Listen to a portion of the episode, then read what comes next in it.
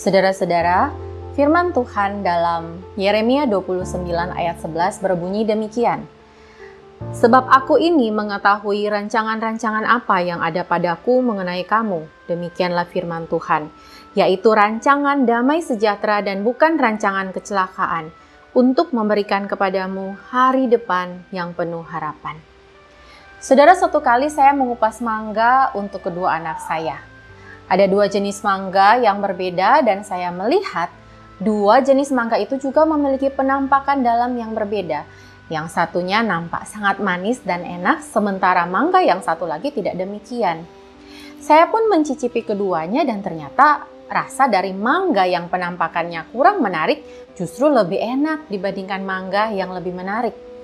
Saya ternyata salah menilai karena penampakan luarnya itu.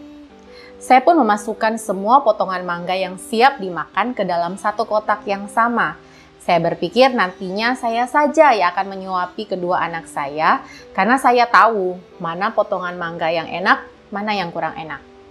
Saya pun memanggil mereka berdua. Eliana mau saja menerima saya yang akan menyuapi dia. Tetapi Ezekiel tidak mau, dia ingin makan sendiri. Ia pun langsung mengambil garpu dan hendak mulai makan. Semula saya hendak ngotot menyuapi dia supaya dia bisa makan mangga yang enak.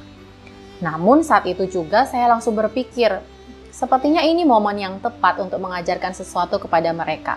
Maka saya membiarkan Kiel untuk makan sendiri. Sesuai dugaan saya, saudara, Kiel pun mengambil potongan mangga yang nampaknya enak itu.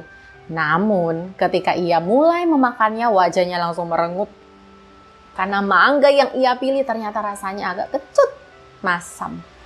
Saya pun tersenyum melihatnya, namun masih diam sambil tetap menyuapi Nana yang juga makan dan berkata, Hmm, enak. Mendengar adiknya berkata demikian, wajah Kiel menjadi agak bingung dan penasaran. Sambil ia mengambil lagi potongan mangga yang lain dan memakannya. Dan sekali lagi, wajahnya merengut karena makan mangga kecut. Saya masih belum berkomentar apa-apa, hanya tersenyum melihat dia, kemudian mengambil potongan mangga yang enak dan menyuapinya.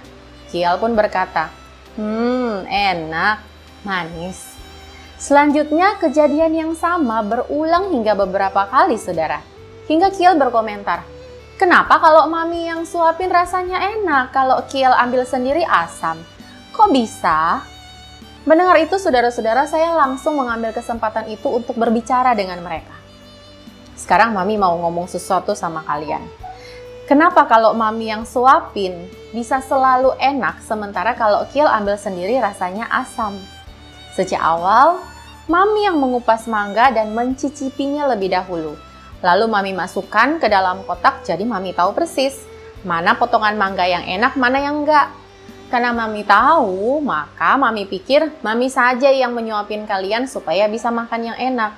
Tapi Koko memilih makan sendiri kan? Padahal Koko nggak tahu ada mangga yang manis, ada mangga yang asam. Koko hanya memilih mangga yang kelihatannya bagus, tapi rasanya ternyata nggak enak. Nah begitu juga kita sama Tuhan. Seringkali kita suka ikutin maunya kita sendiri. Kita pikir kita tahu memilih yang enak dan baik buat kita. Padahal kita hanya mampu melihat apa yang di luar. Sesuatu yang kelihatannya bagus, yang belum tentu enak dan baik buat kita. Makanya, kita harus belajar percaya sama Tuhan. Taat ikutin yang Tuhan mau, karena Tuhan lebih tahu mana yang lebih enak dan baik buat kita. Setelah berbicara demikian, mereka pun lanjut makan mangga dan kali ini saya yang suapin mereka. Meskipun pada akhirnya mangga yang asam itu dimakan juga setelah menghabiskan mangga yang enak. Saudara-saudara yang dikasih oleh Tuhan, di dalam hidup kita ini ada banyak hal yang tidak bisa kita pilih dan kendalikan. Tapi juga ada hal-hal yang bisa kita pilih dan kendalikan. Walaupun setiap pilihan dan pengendalian kita itu pun hanya bisa terjadi jika masih berada di dalam rancangan kedaulatan Allah.